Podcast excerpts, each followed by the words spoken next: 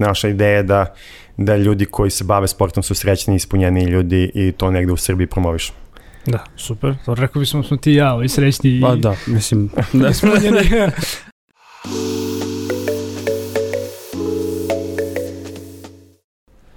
Ćao ljudi, dragi slušalci i gledalci, dobrodošli u još jednu epizodu Netokracije Office Talks podcasta. Pre nego što krenemo, čisto podsjetnik, ukoliko se još uvek niste preplatili na naš YouTube kanal, to možete da uradite tom kliknom na dugme subscribe, naravno upalite zvonce kako bi dobili obaveštenje o svakoj novoj epizodi. Takođe, ukoliko niste fan YouTube-a, možete nas slušati na audio platformama kao što su Apple Podcast, Google Podcast, Spotify i drugi. A, pa da krenemo. A, naš danjašnji gost je strastveni trkač, maratonac, dugoprugaš, osoba sa fantastičnim brkovima, a, osnivač organizacije Serbia Business Run, a, sajta trčanje.rs, odnedno agencije za a, sportski marketing Sport IT, pričat ćemo o tome svakako u epizodi. A, Naš današnji gost je Veroljub Zmijanac. Veroljub je dobrodošao. A, jedan od razloga zašto smo te pozvali u emisiju iz, ono, kad smo se još dogovarali oko gostovanja i oko svega, i zato što je meni jako interesantna pozicija u kojoj se ti nalaziš. Ti si osoba koja je negde na preseku sporta, preduzetništva i tehnologije. Pričat ćemo svakako o tvom nekom razvojnom putu, a, pa možda za početak da krenemo ovaj, ko je Veroljub a, Zmijanac? Da. Hvala Marko, hvala Marko na pozivu. Inače da vas pohvalim da ovaj, s vama pratimo netokraciju i, i negde ono kad smo a, pozvali za Srbije Biznis Rani Kosto Andrić ICT Hub da se prive, kaže, o, kao i da objave to, je, kažem, isto mi Kosta jako dobro prijatelj, kaže, obavezno netokracija, oni su najbolji način, tako da hvala puno i još jedan veliko hvala što učestvujete na Srbija Biznis Ranu i da čisto gledalci da znaju da smo mi ponudili kao našem medijskom partneru i da učestvujete ovaj, in-kind sponzorstvo, kao da ne platite, a vi ste rekli ne želimo da podržimo događaj, tako da mnogo, mnogo hvala na tome. Da. Kako bih ti rekao, bila je sjajna godina. šalu, šalu na stranu. Da, da evo, baš tako. Došli smo, došli smo i obučeni nekako kao kolega i ja kao jedini, ovaj, jedini ljudi zapravo koji trče. Možda se to ne bi reklo po našim stomacima, ali da, zapravo smo kao aktivni ovaj, trkači. Možda ne baš, dobro, reč aktivni je da. možda, možda prejaka, ali ne, hvala, hvala tebi što, što organizujete te divne stvari, hvala pre svega što negde ovaj, ono, podižete svest ljudi koliko je zapravo bavljenje sport sportom, pogotovo za nas koji smo na digitalci, IT-evci koji sedimo po ceo dan, pričat ćemo naravno Jeste. o tome kao zato si, zato si danas ovaj, i naš gost, ali dobro, ajde da krenemo. Veroljub Zmijanac, ko je? Ko je da, ja sam, ja sam otac, imam dva sina, 5 i 7 godine. Ja sam neko ko je završio FON, znači ja sam uh, IT završio programer, bivši programer. Ja, ja sam neko ko mnogo voli prirodu, ko, ko vreme provodi što više na polju i negde, šta bih rekao, preduzetnik sam, uh, to mi je životni stil i, i eto, to je nekako ono zakleti džiđicevac u tom smislu um, moja karijera, da kažemo, u ovom sportu počinje kao stipendista i uh, fonde dr. Uh, Zoran Đinđić, gde sam četiri meseca bio u Nemačkoj tu, gde sam programirao C Sharpu i, i suštinski odlučio da se ne bavim time kad sam se vratio u Srbiju. Uh, tamo smo u stvari krenuli da trčemo ozbiljnije i, i kad sam se vratio u Srbiju definitivno počeo taj moj prelazak sa te developerske strane u, u svet uh, uh, sporta i preduzetništva. Tako da sam sada trenutno zaposlen kao direktor i većinski vlasnik Sport IT-a, zajedno sa moji četiri partnera uh, i, i negde na, to je to, znači radimo razne projekte kojima ljudi obogaćuju život, kroz trčanje, kroz sport, kroz rekreativni sport, kroz mass participation sport, naša ideja je da, da ljudi koji se bave sportom su srećni i ispunjeni ljudi i to negde u Srbiji promovišu. Da, super. To rekao bismo smo ti i ja, ovi srećni. Pa da, mislim, da smo A, spomenuo si da si prvi kontakt sa trčanjem, dakle, ovaj stvario negde u Nemačkoj. Mm. Meni se čini iz ovog ugla da trčanje negde nije ni bilo popularno u Srbiji pre jedno 10 godina i svakako ako bih tipa morao kao da ono mapiram neke ljude koji su bili značajni za popularizaciju ovog sporta u Srbiji, rekao bih, hej, to je ono definitivno Veroljub Zmijanac. A, opiši nam kako je izgledao zapravo tvoj neki prvi dodir, zašto si krenuo da trčiš i uopšte kao, ono, gde si možda nešto pretrenirao, ovaj, mm. uopšte kako je izgledao tvoj prvi da. kontakt sa trčanjem? Pa, kao, ja, ja, ja nisam, kažemo, sportista u smislu, uh, ja kao mali sam trenirao ono, karate, streljaštvo, futbol sam trenirao, ali uh, celu srednju školu i fakultet nisam trenirao, znači igrao sam basket, ali to je to, znači kao klasičan klasičan ono srednjoškolac i student. I onda na faksa ono vikend izlazci ostane do kasno i onda se jednostavno kao i svi mi kao pomisliš u pa ovo nije baš tako zdravo, ajde kao malo treniram i nešto sam krenuo da trčim lagano po Beogradu, po Olimpu i to je bilo više ono kao ajde izgledam dobro, znaš, nego kao više kao sad nešto zdravije sa 23-5 godina. I onda smo tu, ono, sle- sećam se, takmičili smo se svi ko će da ovaj, a, istrče 20 krugova, to je, četiri, to je oko 4-4,5 km na Olimpu. I onda kada sam, i u tom nekom periodu sam ja dobio tu stipendiju u, a, u Nemačkoj i a, tamo sam došao i živio sam s nekim Nemcem koji je u stvari iznajmljivo stan, a, ja sam bio podstanar i taj čovjek je u tom trenutku imao 44 godine i kao je onako bioorganik, sve kao se hrani sad, što je ovo sad popularno opet. I, I onda je rekao, ajmo na trčanje. I onda smo išli na trčanje po tom nekom prelepom parku u Stuttgartu, to je Feuerbach, jedan, jedan deo kao prigradski deo Stuttgarta i mi smo istrčali kao 10 km. Meni je bio kao, wow, Znaš, kao, odjednom ono sa 5 km, neko te, ti kao shvatiš da ti to možeš da trčaš. I onda malo po malo men kao ajmo dalje, onda sam ja za 4 meseca istrčao 30 km. Mislim, suludo, znaš.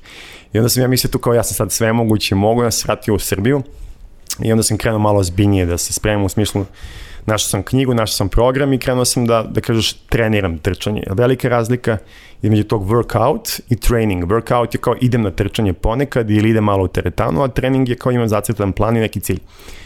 I onda sam recimo učestvovao, čisto ljudi da znaju, uh, moje najveće poniženje, to je bila trka Beli Cross 2009. godine, to je balkanski šampionat u krosu koji se trči na košutnjaku po ono zimi, Beli Cross zimska trka.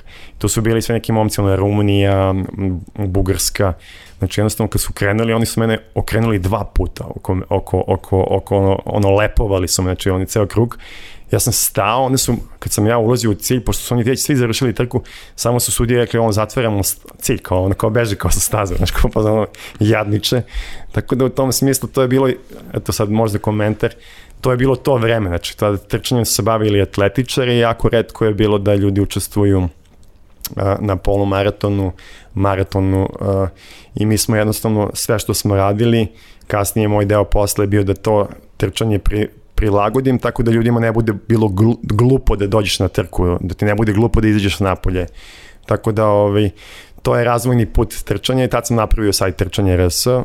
To je nastalo tako što što smo otkucali ono na trčanje RS ono, u internetu i vidiš kao dobro je, dobro je za SEO, da. slobo, ne kao dobro je za SEO i kao slobodan domen, kao, kao zašto već neko nije kupio taj domen, kao, Da. Dobro, pričat ćemo svakako o tome, ali evo, Mare, Da, pa, pa mislim baš te ono pažljivo slušam i super mi je ta priča kada si krenuo, kada si zapravo upoznao, gledam iz svog ugla jer sam i ja krenuo isto rekreativno, tako kada si upoznao performanse svog tela nekako da, da vid- kreneš 5-10 pa posle 30 km stigo si do Ironmana na kraju krajeva, mm. mislim to je ono najteža disciplina atletska definitivno, ali e, on, ono što je mene zanimalo, mislim svaki trkač je na neki način imao neki određeni poriv i razlog da krene u trčanje. Mm. Da li su to bili neki problemi ili ne, nebitno, ili želja da se uh, dotera zdravlje, linija i, i tako dalje.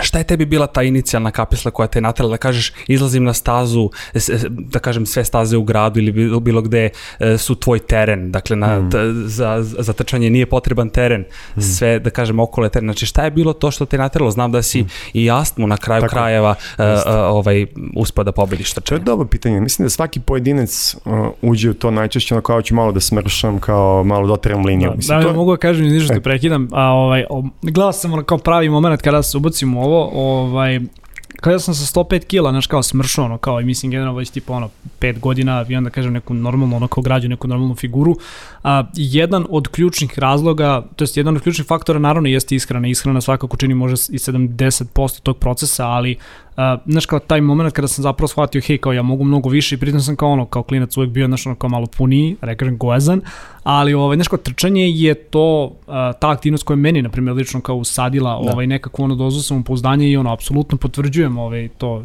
što ćeš sada da, kažeš. Da, da, baš tako. Mislim, dobro je pitanje I to se svima dešava. Meni se to desilo da sam ja, ja bukvalno kažem, izlečio astmu. To ne sme tako da se kaže, ali astma je kao hronična bolest koja nije izlečiva. Ali meni je to bio moment. Znači ja sam posle tog belog krosa, pošto se trči na hladnom i generalno taj hladan vazduh nije dobar za, za trčanje ljudi koji imaju setljiva pluća, ja se sećam da meni je otac kao, do, ono kao, gledali su me roditelji i mama i tata, i su svi bili kao treneri, ajde, istrči, požuri, a meni su bili kao, sine, preživi, molim te, znaš, kao, evo ti pumpica. I meni je bilo to, ja sam naravno krio tu pumpicu, znaš, ne, ne ideš ti se hvališ time, ali da, definitivno sam je koristio i onda jednostavno, mislim da je maraton u Beogradu 2009 bio taj neki moment ritual prelaska, znači ritual inicijacije koje je ranije vojska služila znači, svim mladim ljudima da iz doba adolescencije pređu u život odraslih, znači to je bila vojska, ono, odlaziš negde, živiš sam, mi smo to kao muškarci izgubili. Ima odlična knjiga Anere Rubištajna o tome, baš psihologija muškaraca, I ovaj, mi smo to izgubili kao muškarci, jednostavno zato i ostajemo dugo kod kuće, ne izlazimo iz kuće uvek. E, meni je to bio taj maraton 2009 gde su me na cilju čekali mama i tata i ono jednostavno ja, ima neka slika, ja ono ležim kao, znaš, preživeo sam to, to je bio veliko, veliki proces pripreme, ali i veliko taj sam čin, čin fizički, čin pobjede, ali i mentalni čin. I posle toga mi je jednostavno, ja mislim, i jasma prosto neverovatno, i, da kažeš, iščezla, onako, nije se više javljala u tom obliku nikada više. E, sam si rekao čim pobede, a evo i Mareć isto da potvrno, trčali smo čak i zadnje na polumaraton do duše, ovaj, ali maraton je neka posebna kategorija i sam si rekao pobediš sebe. Mislim, najteže je kad pobediš sebe, kad, kad ubediš sebe da nešto možda pre nisi mogao i onda zapravo to ostvariš. Da. E sad, ja kad maraton podelim po nekim segmentima, odnosno po nekim sektorima a, problema koje se javljaju u telu, bolova i svašta nešto. A to je opet s druge strane ono upoznavanje ličnosti, znači o, o, otklanjanje nekih mana i ostalo upoznavanje sebe, možda stvaranje nekog boljeg čoveka sutra. Šta si ti video u tome? Sigurno kao svaki ljudi imao si neke mane. Da li te je maraton naučio nekoj mm. lekciji? Da, jednostavno, evo, odmah, odmah komentar, ja ne volim, kažem, pobediš sebe i to jeste taj čin, ali kako, kako pobediti sebe, to si ti ali jednostavno ono ne, ne možeš da pobediš sebe. to je možda kroz neku kroz neku bol dolaziš do nekog sebi daljeg taj, to je taj cilja, da. Samo samo da pazimo znači kad kažemo pobediti sebe, znači kao kako da pobediš sebe, prebiješ sebe, ali jeste taj momenat ja, ono što kaže izlaska iz zone komfora i tako dalje, ali šta je to u stvari čin? To je čin da ti da ti ono, ne budeš kilav više. Hmm. Znaš, ono, ima mnogo kilavih ljudi, sve ih nešto boli, pa ono, znaš, kao, ili kao imam problem korona, pa ne možemo da postignem, znaš. I sad ja gledam ono, likovi koji su krimi Jimmy, ko, oni nemaju problema, da ti ide tamo i rešite da to odneš. A, a mi smo svi, i takvih ljudi imaju posla puno. Mm -hmm. I mislim da je to dobar mentalitet, znaš, da jednostavno pređeš preko toga, jako je teško, jako te boli sve, recimo na taj maratonski zid, to je taj na posle 30 km da. se dešava da ugljeni hidrati istri, skroz izađu iz tela, ali izađu iz mozga i onda kada izađu iz mozga, kad nemaš više ugljenih hidrata, kad pređeš totalno na mast, ti postaneš mnogo nervozniji. I bukvalno se meni dešavalo, recimo, trčeš, trčeš, trčeš na Adi 30 i 35 km, vidiš neku decu koja prolaze, ti bi ja neko, e, kao, ćao, ti kažeš, bože, brde, to ću, znaš, ono, i to su neke reakcije koje... Ja to kažem petu kilometra, tako da. Znaš, to su neke reakcije koje nisu prirodne, svojstvene da, tebi, ali, da. ali to je deo tebe. Znaš, mm. tako, da, da, tako da u tom smislu, apsolutno sam video neke stvari, ne, recimo ka Ironman kad sam radio, to je trka na 3,9 km plivanja, pa se vozi 180 km bajsa, pa se vozi... To je full Ironman, jel da? Da, i onda se trči ceo maraton 42, ja sam to radio za 14,5 sati. Recimo, taj maraton na kraju posle 180, posle 7-8 sati sedenja na bicikli, mi je to bilo, znači, mene sve bolo, bukvalno. Nisam se ni dobro spremio, znači, to je moja greška, ali sve me bolo, ja sam 6 sati išao. Ali, ali ja sam bio tu, rekao sam, to ću da završim, znaš. I taj mm. moment, zato to ljudi mnogo i to rade, ali taj moment kao, ne, znaš, kao, idemo do kraja, ono, push to complete, ono, Ray Dalio. Da. Kaže, tako da, ovaj, da, apsolutno mislim da je maraton uh, jedna personifikacija uh, uh, života i, i, i Emil Zatopek je rekao ako želiš da pobediš nešto, ono trči sprinta, ako želiš da doživiš nešto i kao postaneš bolji, ono istrči maraton. Da. A jako mi je drago što si rekao se te stvari pažljivo te slušam i negde je to kada kažeš kao pobediti sebe iako ajde kao ne treba to možda tako govoriti te neke stvari neke crte čoveka a, možda mogu danas da se vide i u preduzetnicima. A, ne znam da li je to možda slučajnost, a, svakako ne bih volao da doživljam to kao nekako još jednu od ono lifestyle stvari, da na primjer ako si preduzetnik si počeo da trčiš samo zato što kao to i drugi ljudi rade, mada neminovno je činjenica da naš kao ono, većina ljudi koje ja znam a, da kao vode uspešne kompanije, da zapravo može da kaže da su uspešni, da ono stvarno imaju i puno radno vreme i da su posvećeni svom poslu, a, negde su opet otkrili možda ne mogu kažem pobegli u taj neki ekstremni fitness, mm. a, ali definitivno su da kažem ono otkrili kao i trčanje, ono weightlifting, dakle rad u teretani, definitivno su više sportski aktivni od nekoga ko možda uh, nije u tolikom gasu, ako mogu da se izrazim ovaj, danas ono, tim mladalačkim ovaj, mm. slengom. A, zašto misliš da je to tako? Zašto su, da kažem, taj neki ono kao opet sportski zdrav život, ta neka ono uh, da kažem to neko ono fizičko nadmetanje, neki fizički napor, zapravo idu, da kažem, ruku uz ruku uz ovaj ono mentalni napor. Kako, mm. kako ti vidiš tu, tu sponu? E, tu ima nekoliko stvari. Jedna, recimo, jedna, jedna stvar, jedna tema je eskapizam. Eskapizam je jedan pojem koji su smislili psiholozi koji su rekli da ljudi ne rešavajući svoje lične probleme, da li u privatnom životu, u partnerskom životu sa decom, odu u tu jednu totalnu jednu ludost sporta, jer, jer sport bezbedna platforma uh, koja, koja ti daje mogućnost da, da uspeš. Recimo u biznisu ti možda imaš super ideju sa netokracijom, ali, ali ne zavisi samo sve od tebe, zavisi od tržišta svega. A u sportu gotovo sve zavisi od tebe. Koliko uložiš, to ti se vrati automatski. Ti to nemaš nigde, ti možeš da posvetiš partnerskom odnosu uh, sve, ali da to ne bude dobar meč ili, ili da ta osoba to ne radi. A u sportu imaš tu mogućnost, bukvalno ono, uh, zatvoreni sistem feedbacka, znači koliko daš, i to je prosto očaravajuće, zato što je lako. Suštinski je lako, da, možda je teško trenirati, ali je feedback koji dobijaš lak. A, tako da u tom smislu je, je, je, je, to je jedna tema. Naš druga tema je zašto svi odlaze, to je zbog kompetitivnosti. Mnogi ljudi su kompetitivni na poslu i to prebacuju na sport i zato su to gde, gde ti kao muškarac ili kao, evo, posebno muškarci, gde ti možda budeš kompetitivan otvoreno, da to ne bude jadno i, i da to ne bude onako zlo. Znači ti to možeš da radiš, da igraš futbol, s vrtacima da, pa se to nešto, i u sportu je to dozvoljeno i normalno. A taj, to je jako, jako važan poriv, jer to izbegavamo. Mi danas izbegavamo Uh, znaš ono, tipa kao stari ono, englezi džentlmeni pa se pobiju u boks, znaš, i to ne radimo tako više. Da, ne bijemo se danas, da. da osim ali, u sobraćuju. da, ali ono kao trkamo se kolima ili šta će, znači to je ta. A onda je jednostavno moment, ja mislim šta je presudan moment, samo da svratimo ovde, jako je dobro dozvoliti sebi taj kompetitivni moment, jako je dobro sebi dozvoliti taj mušku energiju kao, to, to, to isto, isto, isto gubimo kao muškarci i opšte i kao ovaj, kao gubimo u ovom savremenom vremenu. I treći način je mnogo radimo. Znači jednostavno mnogo radimo i mnogo sedimo I ranije, ranije si ti bio ili lovac, skupljač plo, ono, plodova ili si radio nešto na njivi.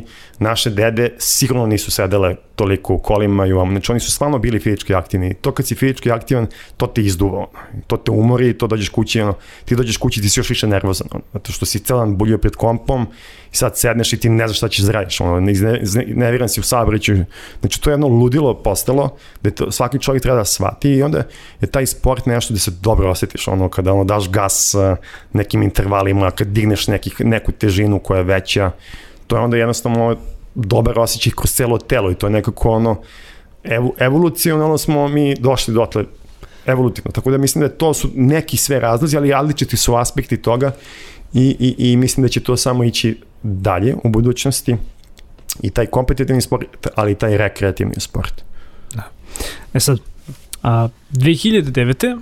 osnivaš sajt Trčanje RS, a, da li, ok, koji su razlozi kao zbog ono, zasnivanje tog sajta i da li negde pripisuješ tom sajtu i svim stvarima koje ste tada krenuli da radite a, činjenicu da je odjednom trčanje postalo ono mega popularno u Srbiji? E, da, znači mislim da smo mi stvarno sad ovako posle 10-11 godina koliko već radimo u tome, mislim da smo mi stvarno onako pokrenuli tu revoluciju, taj trend. Da li bi se to desilo bez nas? Možda, u nekom obliku da, ali mislim da definitivno smo definitivno ono što bi se rekli tehnološki disruptovali to, to, taj value network, ono u smislu um, u smislu bila je atletika pre nas, ali nije bilo na ovaj način bavljenja, bavljenja trčanjem. Meni tu uvijek mi je bila zamisla od biznisa, znači uvijek mi je bila zamisla da od toga napravim neki ono lifestyle biznis, u smislu imam taj sajt trčanje RS, sedim na nekoj plaži, imam neki Google Ads, uh, znaš, kao ono, dolazi kao i kao, kao ja sedim, kao trčim i blogujem. Naravno, to je bilo vreme biz baze još preteča ove startup zajednice, znači uh, vreme... O, kakvo vreme. Da, znaš, kao ni, niša sajtovi to pravi pare. Mislim, da, ovaj, tako da je to, to bila uvek moja ideja uh, što se tiče, što se tiče trčanja RS. Vremenom je naravno porasto, pričat ćemo o tome, porasto mnogo drugih stvari i projekata koje smo radili, koji su i komercijalni od sajta. A, a ovaj, definitivno mi smo radili jednu analizu gde smo u stvari radili broj maratonaca i polomaratonaca na, na Beogradskom maratonu i uh, što je dobar pokazate ti podaci koliko je ljudi još sa strane koji trče i džogira možda ne učestvuju, ne učestvuju na trci, nemamo procenu koja je to, da li to 10% ljudi koji, koji džogira, koji ih vidiš na ulici, da li učestvuju na, na maratonu i polumaratonu u stvari. I onda smo bukvalno videli, znači taj broj je bio konstantan od 88. 89. nije rastao. I znači od 89. kad je bio prvi maraton, 88. kad je bio prvi maraton i mi smo ušli 2010. i onda bukvalno kreće eksponencijalno da raste, znači onako uh, taj broj kad smo se mi pojavili. I to je, to je stvarno tako, jer mi smo napravili posle školu trčanja, mislim da ona kao sam program ovaj, bio ovaj, jako značajan, a onda i posle ostali klubovi koji su to, i mi smo bukvalno ono, začetnici tog trenda, i pokreta. Ja volim da kažem pokret je kada imaš zajedničku misiju, to je kao omasoviti trčanje, a onda ne samo ti, nego i ostali ljudi koji su na, na, na, na, na tržištu se uključuju. Tako da ste vi u jednom startup pokretu zajednici, gde niste vi sami tu, nego ima puno aktera, ali smo mi bili ti koji smo začeli taj pokret, to trčanje RS u stvari začelo taj pokret i onda sad tu imamo, govorimo o tržištu trčanja i ono, ja sam računao, znači pre nas bili su troje, četvoro ljudi zaposleni u maratonu, što je bilo bukvalno full time zaposlenih. Danas u trčanju radi preko 500 ljudi po mojim nekim procenima koji su full time tu da li u prodavnicama, da li nekim trkama, ili, ne rade full time, ali, ali privređuju od toga. Dobro, ali svakako nastala jedna ekonomija, nastala jedno e, tržište, to se danas može videti i kada uđeš u, u ove sportske radnje, kojih do, do pre par godina nije bilo toliko mnogo, opet vidim i po sebi, znaš, kao nisi imao neke premium brendove koje danas imaš i naravno čitava ta poruka gde se sada komuniciraju, ne znam, kao besplatne aplikacije koje proizvođači prave, a, čitava jednostavno pokre gde se baš onako insistira na tome i kao jako mi je drago to da vidim, ono kao ako je još jedan od ono trendova, da bi ono kao kompanije prosto prihodovalo od toga, onda je ovo kao trend koji podržavam zato što Dobre. zato što je negde da kažemo prosto zdrava priča. A... Da, Veroljube, mislim, pomenuo si ono, e, od 2010. ja sam baš pratio, pošto sam ja krenuo da trčim 2013. na Beogradskom ovaj, maratonu, polumaraton, tačno, i baš ne znam kako je bilo pre, ali tačno je krenuo baš onako eksponencijalni rast trkača, mislim da je dalje pre godinu, dve zabeležio 6-7 hiljada mm. trkača, baš ozbiljan broj bio za Beograd koji se vremenom usavršava i tako dalje. E sad, pomenuo si trčanje RS kao neku ono, inicijalnu kapislu koja je počela da edukuje trkače, uh, čitao sam i tvoje tekstove i tekstove drugih autora razgovara o zdravlju, uticaj na zdravlje i tako dalje. Sve to je, mislim, nekako povuklo ljude, pa dobro, ajde da probam. Bar onu trku zadovoljstva 5 km, pa kada povuče ona masa i adrenalin, onda je to prosto dođe do polumaratona i maratona. Ali mi se nekako čini da, da, su, da, da su to sve bili nekako podeljeni klanovi, da, da, da, da nije imao neko da okupi ljude, da kaže, ok, ajde sad, trčao sam 5 km, ali bih ušao u neku školu, u neku grupu koja bi mi možda pomogla da dođem do 10, sutra je 21 i 40 i ostalo. Pa me zanima taj moment, e, mislim i pre vas je sigurno postojalo Postalo su neke amaterske grupe koje su se okupili trenirali, ali ništa oficijalno nije bilo. Mm. I tu onda već imamo nastanak uh, Belgrade Running kluba, mm. uh, pa eto, ono, zanima nas da nas, da nas malo više ovaj upoznaš sa, sa, sa tim. Da, klubsko, da, klubska scena trčanja, uh, uh, bio je jedan čovjek pre nas, uh, Nikola Tošić, koji je napravio Hermes, tako mu se zvao triatlon klub Hermes, To je čovjek koji se bavi brandom, ne znam gde je sada, ali pre nas je bio tu i bio je Bojan Marić, naš naj, jedan od najboljih, najvećih Ironman takmičara, koji je otišao sad u Ameriku, tačno pre 10 godina. I, i on je napravio jednu grupu, ali ta grupa je bila bukvalno, likovi, likovi su bili ono profi. Znači, i ti kad bi došao sad sa strane, ti bi se osetio kao, brate, gde sam me došao, ovi su likovi ono profići, kao, lo, loše bi se osetio. I mi smo to negde ono osetili, tu potrebu da, da, da ljudima neka vrsta socijalnog marketinga, smanjimo cenu ulaska i omogućimo im da se dobro osjećaju što, što, što što su došli ne, negde. I to je neka ono kao kad, kad bi razmišljao o design thinkingu, to je neka empatija, taj korek empatije ka ljudima i onda smo bukvalno uh, napravili uh, zajedničko trčanje, trčanje RS sajta, mm -hmm to je kao zajedničko trčanje ljubitelja trčanja, trčanja, tako je to pokrenulo. -hmm. Znači, to, je, to bi sad zamislio kao meetup neki, mm -hmm. to bi bio meetup trkač.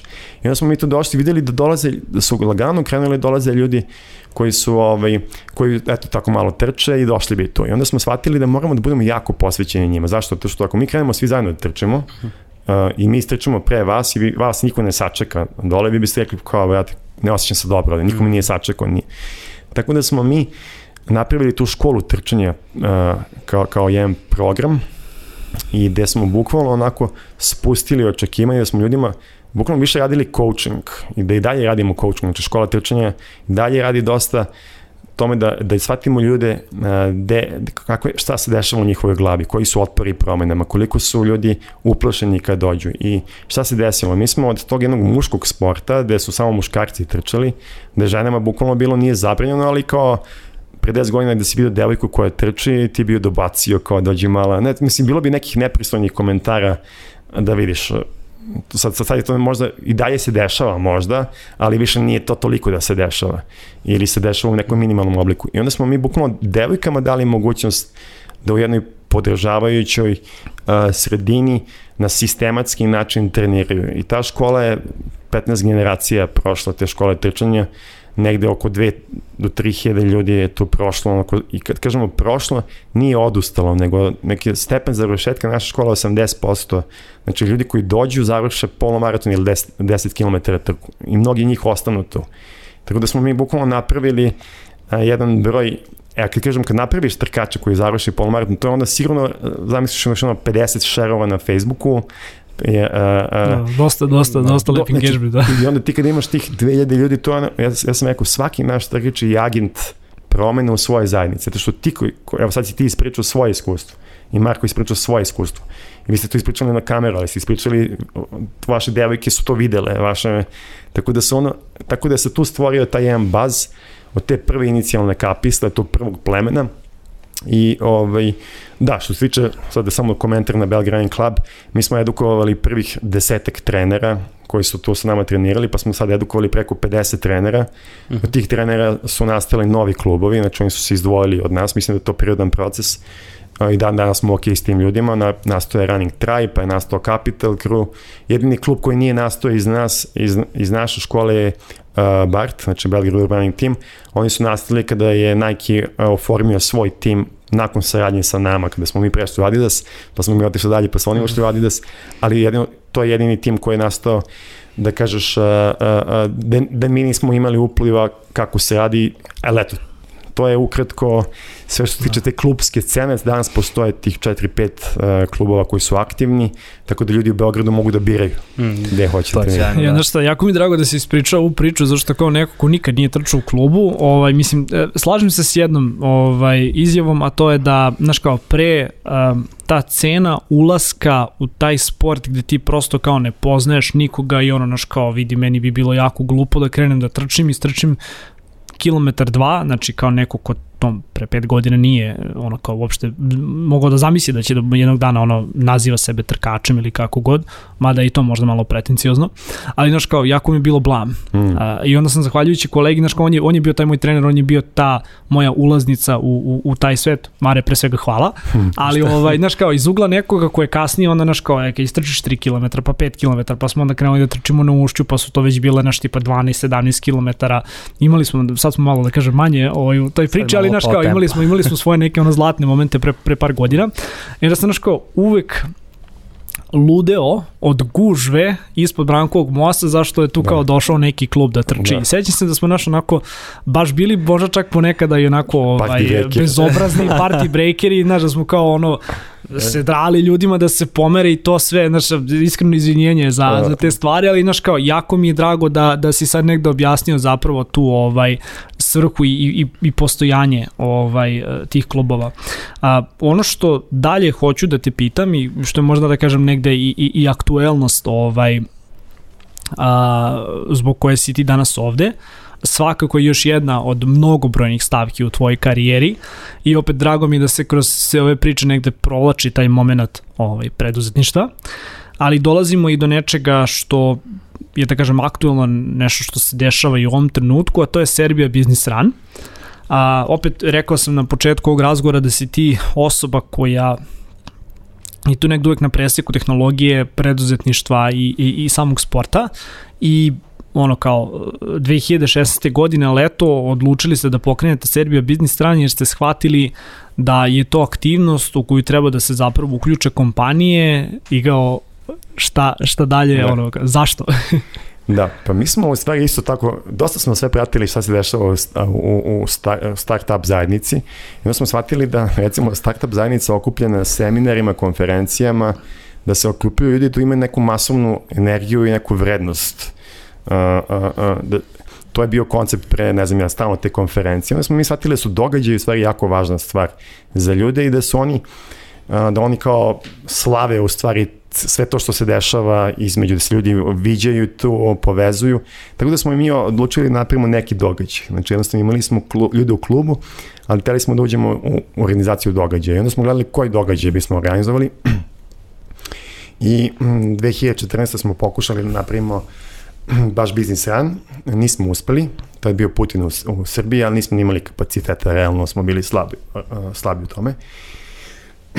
znači Putin je protiv trčanja. Da, da. I onda smo 2016. napravili taj business run, Belgrade business run, to je bio drugačiji koncept, imali smo neku dečju trku, nije se stvarno nije bilo toliko ni kao, nije smelo ni pivo da se složi, ali isto je bio koncept da se kompanije dođu, preve svoje timove i strče 5 km, nešto što lako, tada smo trčali 3 km, i, ovaj, i posle toga ostalo na druženju. I to je bilo onako nekih 47 kompanije, 300 ljudi, gde smo mi testirali tu ideju, da kažemo, pilotirali tu ideju, da bi to posle već sledeće godine išlo na, na otišli smo u Beograd na vodi, tamo smo bili, uh, imali smo 920 ljudi, 820 ljudi, pa smo onda sledeće godine imali uh, 2300 ljudi, prošle godine nadi smo imali 4300 ljudi samo u Beogradu i trke u pet gradova Srbije. I u stvari napravili smo jedan masovan trend uh, da kompanije mogu da uh, svoje zaposlene povežu kroz trčanje. Znači šta je važno kod trčanja? Trčanje je toliko, da kažemo, tolerantan sport, jer uključuje i muškarce i žene, i uključuje mladi stare, i brze i spore, i svi zajedno su deo jednog tima, svoje kompanije, svi deo, zajedno su deo jednog događaja. I to je mnogo važna stvar, jer ranije smo imali to isto, znači, postoje radnički sport u komunizmu i u socijalizmu, ali smo imali muškarci koji igraju futbol i neka liga u futbolu, a devojke možda igraju odbojku i oni se nisu dodirebali, kao da imaš neko navlačenje konopca, neke kao fan, fan stvari, ali nisi imao taj moment da su svi zajedno deo nečega i da ti isto tako možeš da se takmičeš sa svojim direktorom no. i da doprineseš uh, uh, da doprineseš uh, pobedi svog tima. Tako da smo to napravili i to, ono, teli smo napravimo uh, business run the place to be, kao za kompanije i imali smo ono, jako dobri, dalje imamo jako dobre reakcije, napravili smo od toga jedan brand i to je jedna priča koja je jako, jako zdrava priča i, i, i, i kompanija za vrlo, da kažemo, malo novca, za oko 20 eura dobije jedan jako lep poklon od nas, u smislu i majicu, i medalju, i, i večeru, i piće, I stvarno je jako, ne znam, jeste bili prošle? Nismo, nismo, nismo, evo, nismo. Evo, sad ste znači, sad ćemo... znači moraš dobro ispod 25 minuta. ne, ne štete što niste bili prošle godine, bilo je stvarno fešta. Šalo, da, znaš kako, mi smo se, mislim, da stićemo i do, i do tog dela, ali kao, znaš, odlučili smo ovaj, uh, približavamo se 30. godini, ono, things are not as tight as they used to be. I znaš, odlučili smo da je sad tipa ono pravo vreme, ovaj, ne samo i da vas podržimo, nego našim da se mi ovako ovaj, aktiviramo, mada mislim da smo kao firma ono, totalno failovali da aktiviramo druge kolege, ovaj, da, se, da se uključuju u taj to, da. sport, da. ali bože moj. Ono što je meni ovako kao on, sama ideja ovaj, Serbian Business Rana i čitavog koncepta, zašto mi je sjajna, I jeste zato što imaš taj ovaj kao moment team buildinga gde, gde kompanije ono, bi možda i želele nešto kao da naprave slično, nemaju kapaciteta, nemaju ekspertizu i onda mi je ovo da kažem ono jednostavna mogućnost uh, gde s jedne strane kao ok, promovišeš te neki da. ono zdrav život, promovišeš na neki takmičarski duh i baš objedinjuješ kolege ovaj, ono iz tima, što je super za velike kompanije ovako. Jeste, to je najčešći deo interne komunikacije znači, u kompanijama, da oni nose svoje majice, znači kompanije im onda ih posle neki, nekih nagrade. Da Ima neke timove ovaj, ču, da, s čudnim da. nazivima i tako, Tako to. da, Da. to je jedan događaj gde mi smo bili događaj koji smo rekli mesec dana pre tog događaja krećeš da pričaš o kompaniji ko će da trči i ajmo da se organizujemo. A, imaš taj događaj i sledećih ono, nedelju dana možeš da pričaš da se hvališ i da kao je Znači, to je bio koncept da taj događaj traje ne samo taj dan, nego jednostavno da ima, i uvek ti je lepo sećanje, kao i ono, i sledeće godine, ja, hoćemo opet, kao, kako tebi, jednostavno, jedan, jedan, jedan događaj koji eto ono kao kao velike kompanije prave svoje team buildinge koji imaju novca pa odu ne znam i povedu zaposlene ali najčešće to je isto kao dećemo sa zaposlenima kao a idemo na roštilj naš na kobasice ili na neko ono Pa jak- jeste, jeste. Ili, ili idemo da vozimo kvadove na Koponiku ili na Zlatiboru, da, da. uglavnom šta neka, ta neka komponenta nekakve ono aktivnosti, uf, izostaje to kod mnogih. Da. Mislim, meni je to sjajna ideja skroz, evo kao što je kolega Marko rekao, taj moment team buildinga kroz trčanje, kao što sam pomenuo na početku našeg razgovora, trčanje prosto ne zahteva neku infrastrukturu posebnu, niti opremu, teren je bilo gde, samo je potrebno da, da čovjek bude spreman. Ali eto, mislim, činjenica je da je sad čitava pandemija i kriza donela mnogo problema, ne može Srbija bez da bude kao što je bio, na primjer, prošle godine, da okupi toliko ljudi, da to bude neko onako veće druženje, ali je opet da kažem, u neku drugu stranu okupio virtualno kolege Jeste. i uveo taj takmičarski moment. Evo, mi, mi, mi sad kako smo u, ušli ka, kao, kao takmičari na etokraciji, vidio smo da ima baš dosta brzih trkača, tako da... Ne, znači ja sam, ja sam pogledao, pošto aktivno ovaj objavljujete vremena na, na, na Da. svojoj Instagram stranici i znaš kao neko je, mislim da su da li kolege iz Nordusa tipa spustili Da, ispod, jeste, jeste, ispod, I- 20, ispod 20 kao. minuta, ja mu šaljem i kao, šta radiš to U redu je. Kao buro, Nemoj da zašto smo se kao, zašto smo se mi prijavili za ovo, kao pa mi onda nema šta da radimo, znaš kao ja sam tipa tek pre tri dana tipa Upravo. spustio na 28 minuta, pet kao ću umrem, rekao, Sanjanski rekao, drago mi je da smo deo ovoga, rekao, ali na šta ne očekuj nikakve nagrade. da. Pa nas je zato ono zanimalo, eto, čisto da malo približiš kako će, kako će sada da izgleda Srbija Business strana. Iako vidim da se dosta kompanija i odazvalo. Jeste, e, mi smo razmišljali da li da otkažemo skroz događaj ili da napravimo nešto i tako da smo napravili taj koncept virtualnih trka. Taj koncept virtualnih trka, znači trka se dešava, ti trčiš sam ili sa malim timom, opet u preporukama vlade Republike Srbije, znači koliko je dozvoljeno, mada više kao korona, ne znam ni, ni ja šta. A, ali mogli bismo napravimo trku do 500 ljudi, ali nekom trenutku smo mi rekli moramo da prekinemo i donesemo odluku moramo da radimo neki događaj.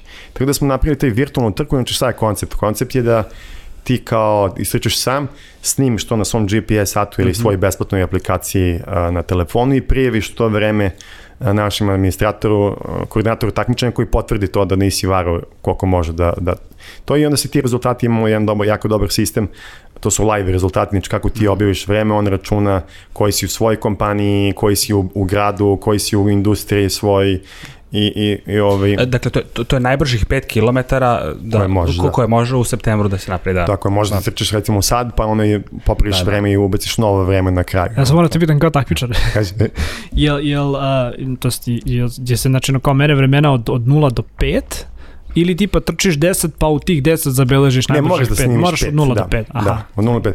Znači, Dobro si mi javio da znam, Da. ja trčim i duže. Da, da, treba da, ist, treba da istrčeš pet i kad kreneš kao klikneš uh, start. Da, ovi, tako da uh, odazvalo se preko 100 kompanija i preko 850 ljudi.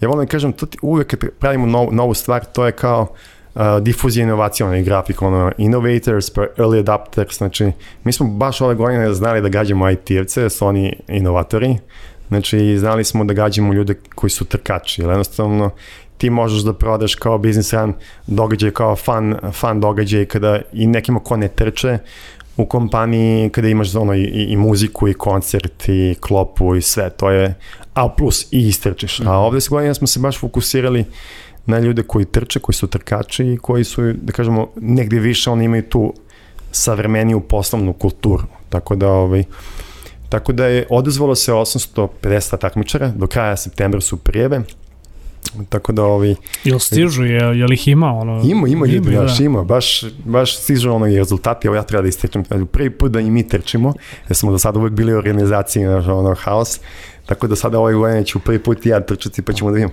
Ja još nisam prijavio, trenutno smo na 27 minuta, gledam da, E, da ja bar pravo, spustim pravo na da ti kažem, znaš kao, 26. došao sam na sajt, došao sam na sajt, ali sam šta sam ja radio, znaš, ja trčim tipa 6-10 km, to mi je ta neka ruta. Uh, dobro si mi rekao, pošto je to pot, potpuna neznalica, ovaj, ali znaš kao moraš da trčiš baš od 0 do 5 i da, i da, Da, i da. da rekorduješ to vreme. Da, da. ovaj, I da. čini mi se da mora da bude baš kružna staza. Pa rekli smo kružna staza da, mi, da ne bi, evo, vi ste u kancelariji, sam ovde u Ustaničku, znači mogli ste foru, uđete u 2 sata noću i spustite se od ozgore 5 km niz Ustaničku i onda, Recimo. i onda napraviš Recimo. neko vreme. Ovo, to nam je baš bio dobro, tako da smo... Ja, mislim, gore bulevar i na druže, to je to. Da, to je to. Tako je, tako da ovaj, ideja da, a, da ljudi istriču stazu koja je što, što više fair play, naravno uvek neko može da vara na ovakvim događajima, zato su i nagrade, nagrade samo prigodne, mada imamo i jednu lepu nagradu Sunto Sat za pobednike, tako, Tako. da ovaj, ali, ovaj, znamo da ko bi, ko bi mogu da pobedi i a, i jednostavno ideja je fair play druženja, znači mnogo više nego što će ti da sedneš na bajs ili daš nekom atletičaru da ti istrči pa kao evo istrčao sam ja, tako da Dobro, E, mislim, ti- znaš šta, ti ja ne možemo da Ne. varamo, vidi se ne, po ne, nama, ne, pa, jedno sedemo na bajs, ali to... e, htio sam da te pitam samo da publici i slušalcima Mhm. uh, malo bliže objasnimo taj humanitarni karakter trke. Uh, mislim, sve smo sad prešli, to je stvarno sjajna. Da. ideja, ali znam da ima i humanitarni karakter i da se time bavite već. Da, mi, od- mi svaki godin imamo taj deo humanitarni, humanitarni uh, prve godine smo skupili za jedan uh, color, do, color Doppler, mislim, apart, uh Mhm. pa smo, već dve godine sarađujemo ove treće sa fondacijom Ane Vlade Divac i našli smo se u tom kozu jer je to stipendije za najbolje naše srednjoškolce, znači najbolje srednjoškolce i uh, fondacija ih kroz taj program stipendira godinu dana njihove školarine košta 110 ili slagajući 120 hiljada dinara gde oni imaju a, stipendiju da, da, da, da, da, da ljudi ono završavaju srednju školu, mislim, da li u Beogradu ili po celoj Srbiji. Tako da smo mi ove godine imali ceo koncept jedne VIP zone na samom biznis trci koja bi bila brendirana kroz fondaciju Ana Vladi Divac da bi kompanije koje doniraju znači 1000 evra dobile svoj šator, neku sp- specijalnu svoju VIP uslugu, što mislim da nije mnogo velika cifra za neku korporaciju da donira i da dobije i masažu za svoj neki specijalni hladan frižider i neke i momene, tako da smo to napravili, imali ceo projekat gotov Uh, I onda smo shvatili da to ne možemo ove godine da radimo, tako da nismo teli njih da izdamo, rekli smo, ok, od svake, uh, uh, uh, svake uh, startnine izdvojit ćemo 1 euro, uh, koji će ići, uh, koji će ići za, za stipendiste i opšte pričat ćemo o tome i pozivamo kompanije da ove godine znamo kako je teška situacija, da čak tim mladim ljudima trebaju i kompjuteri ili neki uh, uh, um, mobilni telefon koji može da koristi, tako da pozivamo kompanije, sigurno time što učestvujete doniramo, skupit ćemo za jednu uh, uh, stipendiju, ali isto tako možete se javite i da, da donirate i, i samostalno uh, uh, fondaciji ili opet kroz neki in-kind, uh, uh, in-kind. Prošle godine smo skupili devet stipendija ukupno. Znači baš nekako, mm -hmm. ono, sam ponosan, Bravo. devet mladih Da, ljudi je bravo, biznis svaka jedan čast. skupio. Tako da, ne, do, dobar je osjećaj. Nikada ne razmišljam o tom socijalnom momentu ja toliko, ali neko dobar je osjećaj da iskoristiš nešto što je postaje veće od tog uh, tom, tog team buildinga samo. Da. Do, do, dobra je stvar kad, kad možeš i kad znaš da, da si dao ono natrgu u zajednicu. Da. A, dobro, evo, dođe smo skoro pa pred Do kraj. Da, A, pričali smo se. Pa, ako, super, treba, super, super je gost, super nam je poznata tema. Ovaj, pravimo se i mi malo važni ovde sad. Da. A, sve ovo što si radio a, do sada je rezultovalo Sport IT agencijom, mm -hmm. koje je, koliko sam ja ovako gledao i, i dok, dok sam se pripremao, dok sam zapravo istraživao o, o tome šta si sve radio, koje je zapravo agencija za sportski marketing. Mm. A sad to kada kažemo na prvu loptu možda zvuči malo ovako egzotično, Mm, možda da da, možda nešto nije još jedna agencija za digitalni marketing. Da. A šta je Sport IT i odakle zapravo ideja da, da Da. uđeš u agencijske vode? Dobro pitanje. Ono što smo mi videli tokom uh, uh, godina bavljenja uh, ovime, mi smo za svaki naš projekat naravno imali sponzore i, i, i tema sponzorstva je jedna velika tema koja je u Srbiji, uh, kako smo mi ono iz socijalizma došli, uh, sponzorstvo se u Srbiji nije gledalo kroz neki komercijalni aspekt marketinga koji je deo CSR-a ili je deo uh, performance marketinga ili nekog brandinga, nego se gleda više kao doniram ti, ja tebi dam novac pa ti šta urediš s time ili je to neki nalo, nalog, bolje bi ti bilo kao naša preporuka je da doniraš tamo. Tako da, ali sponzorstvo je enormna uh, industrija u celom svetu i to je jedna industrija koja ima svoje najbolje prakse. Tako da, sport, aj, sportit je u stvari a, a, naša ideja kako da ovu temu krenemo u Srbiji da zagovaramo kroz primjere najbolje prakse i kroz da je razvijamo kao temu. I to se recimo dešava, mi već posljednjih četiri godine smo izveštavamo sa kao trčanje RS kao sa jedne, sa jedne konferencije koja se baš bavi sportskim marketingom, zove Sporta u Sloveniji, u Portoražu, Znači tamo, tamo dolazi ceo svet, manje više iz i Evrope i gostujući predavači da govore o tome kako se to radi u svetu. Kod nas to manje više ne postoji. Tako da šta je sportski marketing? To je deo marketinga koji obuhvata dve oblasti. Jedno je akvizicija novih korisnika za sportske entitete, znači prodaja članarina, ulaznica, a, prodaja, znači bilo koja prodaja a, B2C. Opreme, je, tako reći, zapravo da.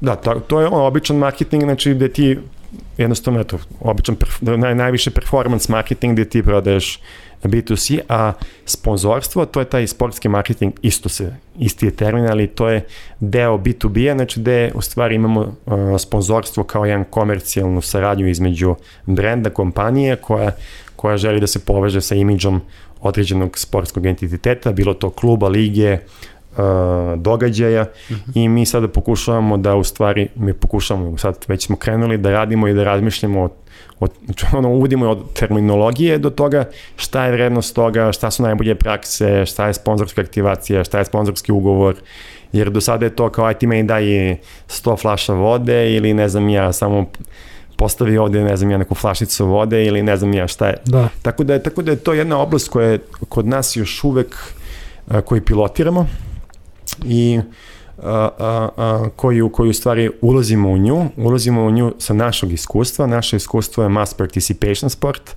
znači sportovi kao što su trčanje, triatlon, biciklizam, a, nordijsko hodanje i, i a, sa našim iskustvom akvizicije korisnika za naše programe, znači od prodaje biznis rana do prodaje školarina i članarina u klubu i jednostavno sada ćemo da razvijemo taj deo i razvijemo ceo deo, ceo deo tog tržišta uh, uh, sportskog marketinga. Pa ćemo da vidimo. Eto, bio je u pojačalu gost uh, dečko iz Košarkaškog kluba Crvene zvezde. Već u njegovom, kad vidiš, Filip se zove, tako? Uh, Janko. Janko, Janko, da. Janko, Janko prezime je, možda da. Filip. Ne, ne, dobro, neće, evo sad.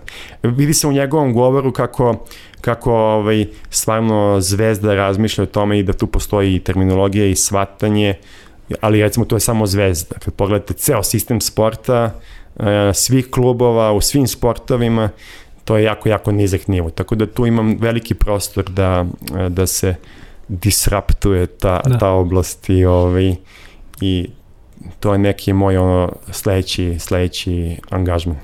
A reci mi, kada govorimo o sportskom marketingu, opet sad gledam iz industrije iz koje ja dolazim, možda je moja prosto ovaj percepcija toga šta vi radite bila pogrešna sve do ovog trenutka dok, dok sada mi zapravo nisi objasnio, ali mi sam tako hteo da te pitam ovaj, da li radite, uh, da li vi mislite da ćete raditi taj deo uh, i kako generalno možda negde ti baš lično, ono kao veroljub ovaj, izmijanac, gledaš na, na to da, da kao danas imamo kompanije koje baš negde onako uložu i sponzorišu, na primjer, influencere, uh mhm. -huh. koji negde zapravo jesu sportisti, nešto kao tanka je granica između toga kao dalje neko možda popular na, na Instagramu, ujedno i sportista ili trener, nekako mi se čini da, da je naš kao, ne znam, pre 10 godina si zapravo morao da budeš profesionalni sportista uh -huh. i ti si mogao da reklamiraš taj neki brend sa kojim sarađuješ, gotovo isključivo, ne znam, na svom dresu, da će Tako tu da dođe neki logo ili nešto.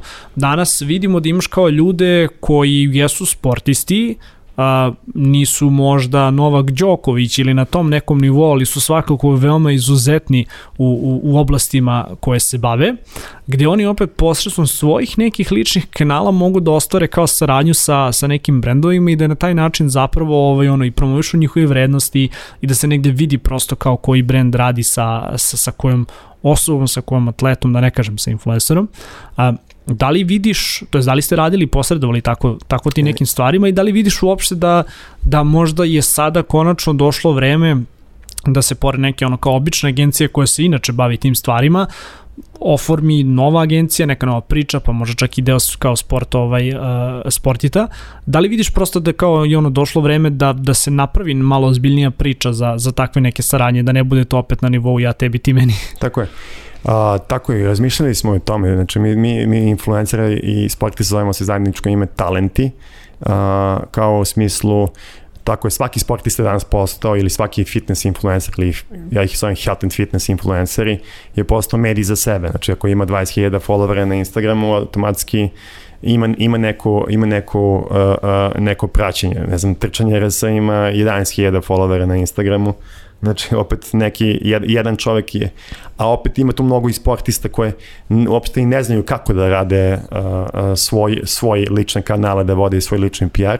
Tako da je tu, uh, tu je sad pitanje, da, razmišljali smo o tome, uh, trenutno nemamo saradnju ni sa kim, nismo ni krenuli da, da komuniciramo uh, sa njima i nemamo to planu, nije nam to prva oblast gde hoćemo da se fokusiramo i mislim da ima uh, mislim da ima prostora za tako nešto. Mislim da je tržište još uvek malo ali opet da ako si ti jedan brand koji hoće da razmišlja o svojim influencerima um, postoje agencije koje se bave samo znači influence marketingom a, da li bi kontaktirala ako se bave samo sportom sport, sportiti ili neku drugu agenciju koja, koja ima specijalizovano za to možda a, mislim da moj odgovor sada je ovaj uh, još uvek nešto se tiče nas. Ali da, to je ta tema.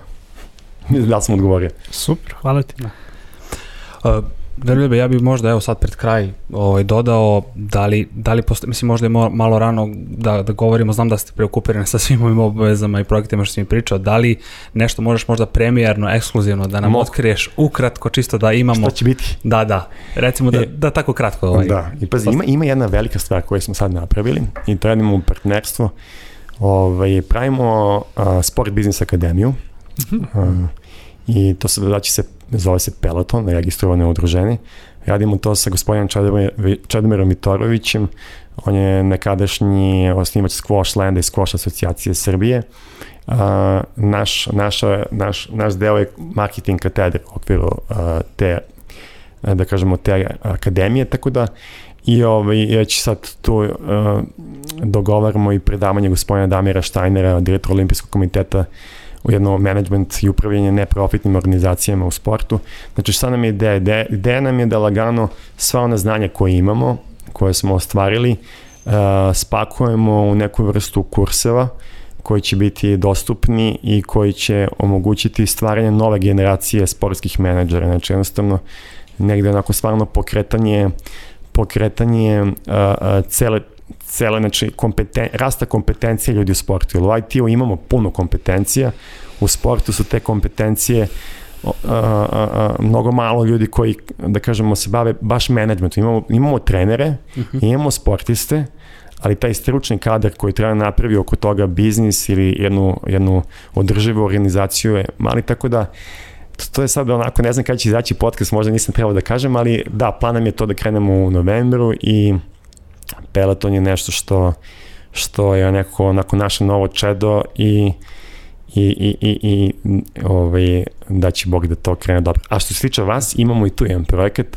ovaj, pokušamo da napravimo jednu trku za kraj godine, koja će biti jedna zabavna trka i um, koja će biti uživo trka, nadamo se da neće biti korone, tako da Tako da eto, bit će još događaj i ove godine, a i ovo sve što kreće krajem godine, tako da Hvala na pitanju, si me podsjetio, da. više ovako sam baš, baš nekako onako završavam Hvala ovo. Hvala ti na tim informacijama. Ovi, završa... mora, mora da se spremamo ozbiljnije. Ovaj, da, mora, djavo, mora, djavo, boga mi. Da.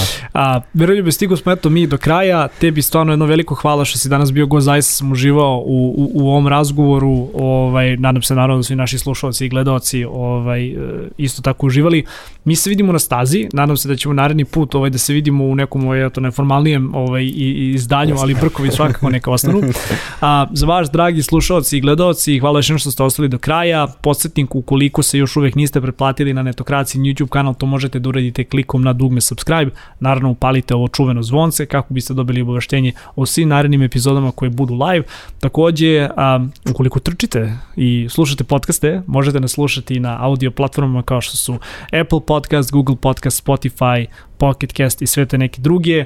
A, pratite Veroljuba, pratite Trčanje RS, pratite nas kao što da ne i vidimo se na Serbian Business Runu pa ko ima bolje ovaj rezultat častiti Vidjet ćemo. Pozdrav. Pozdrav. Pozdrav.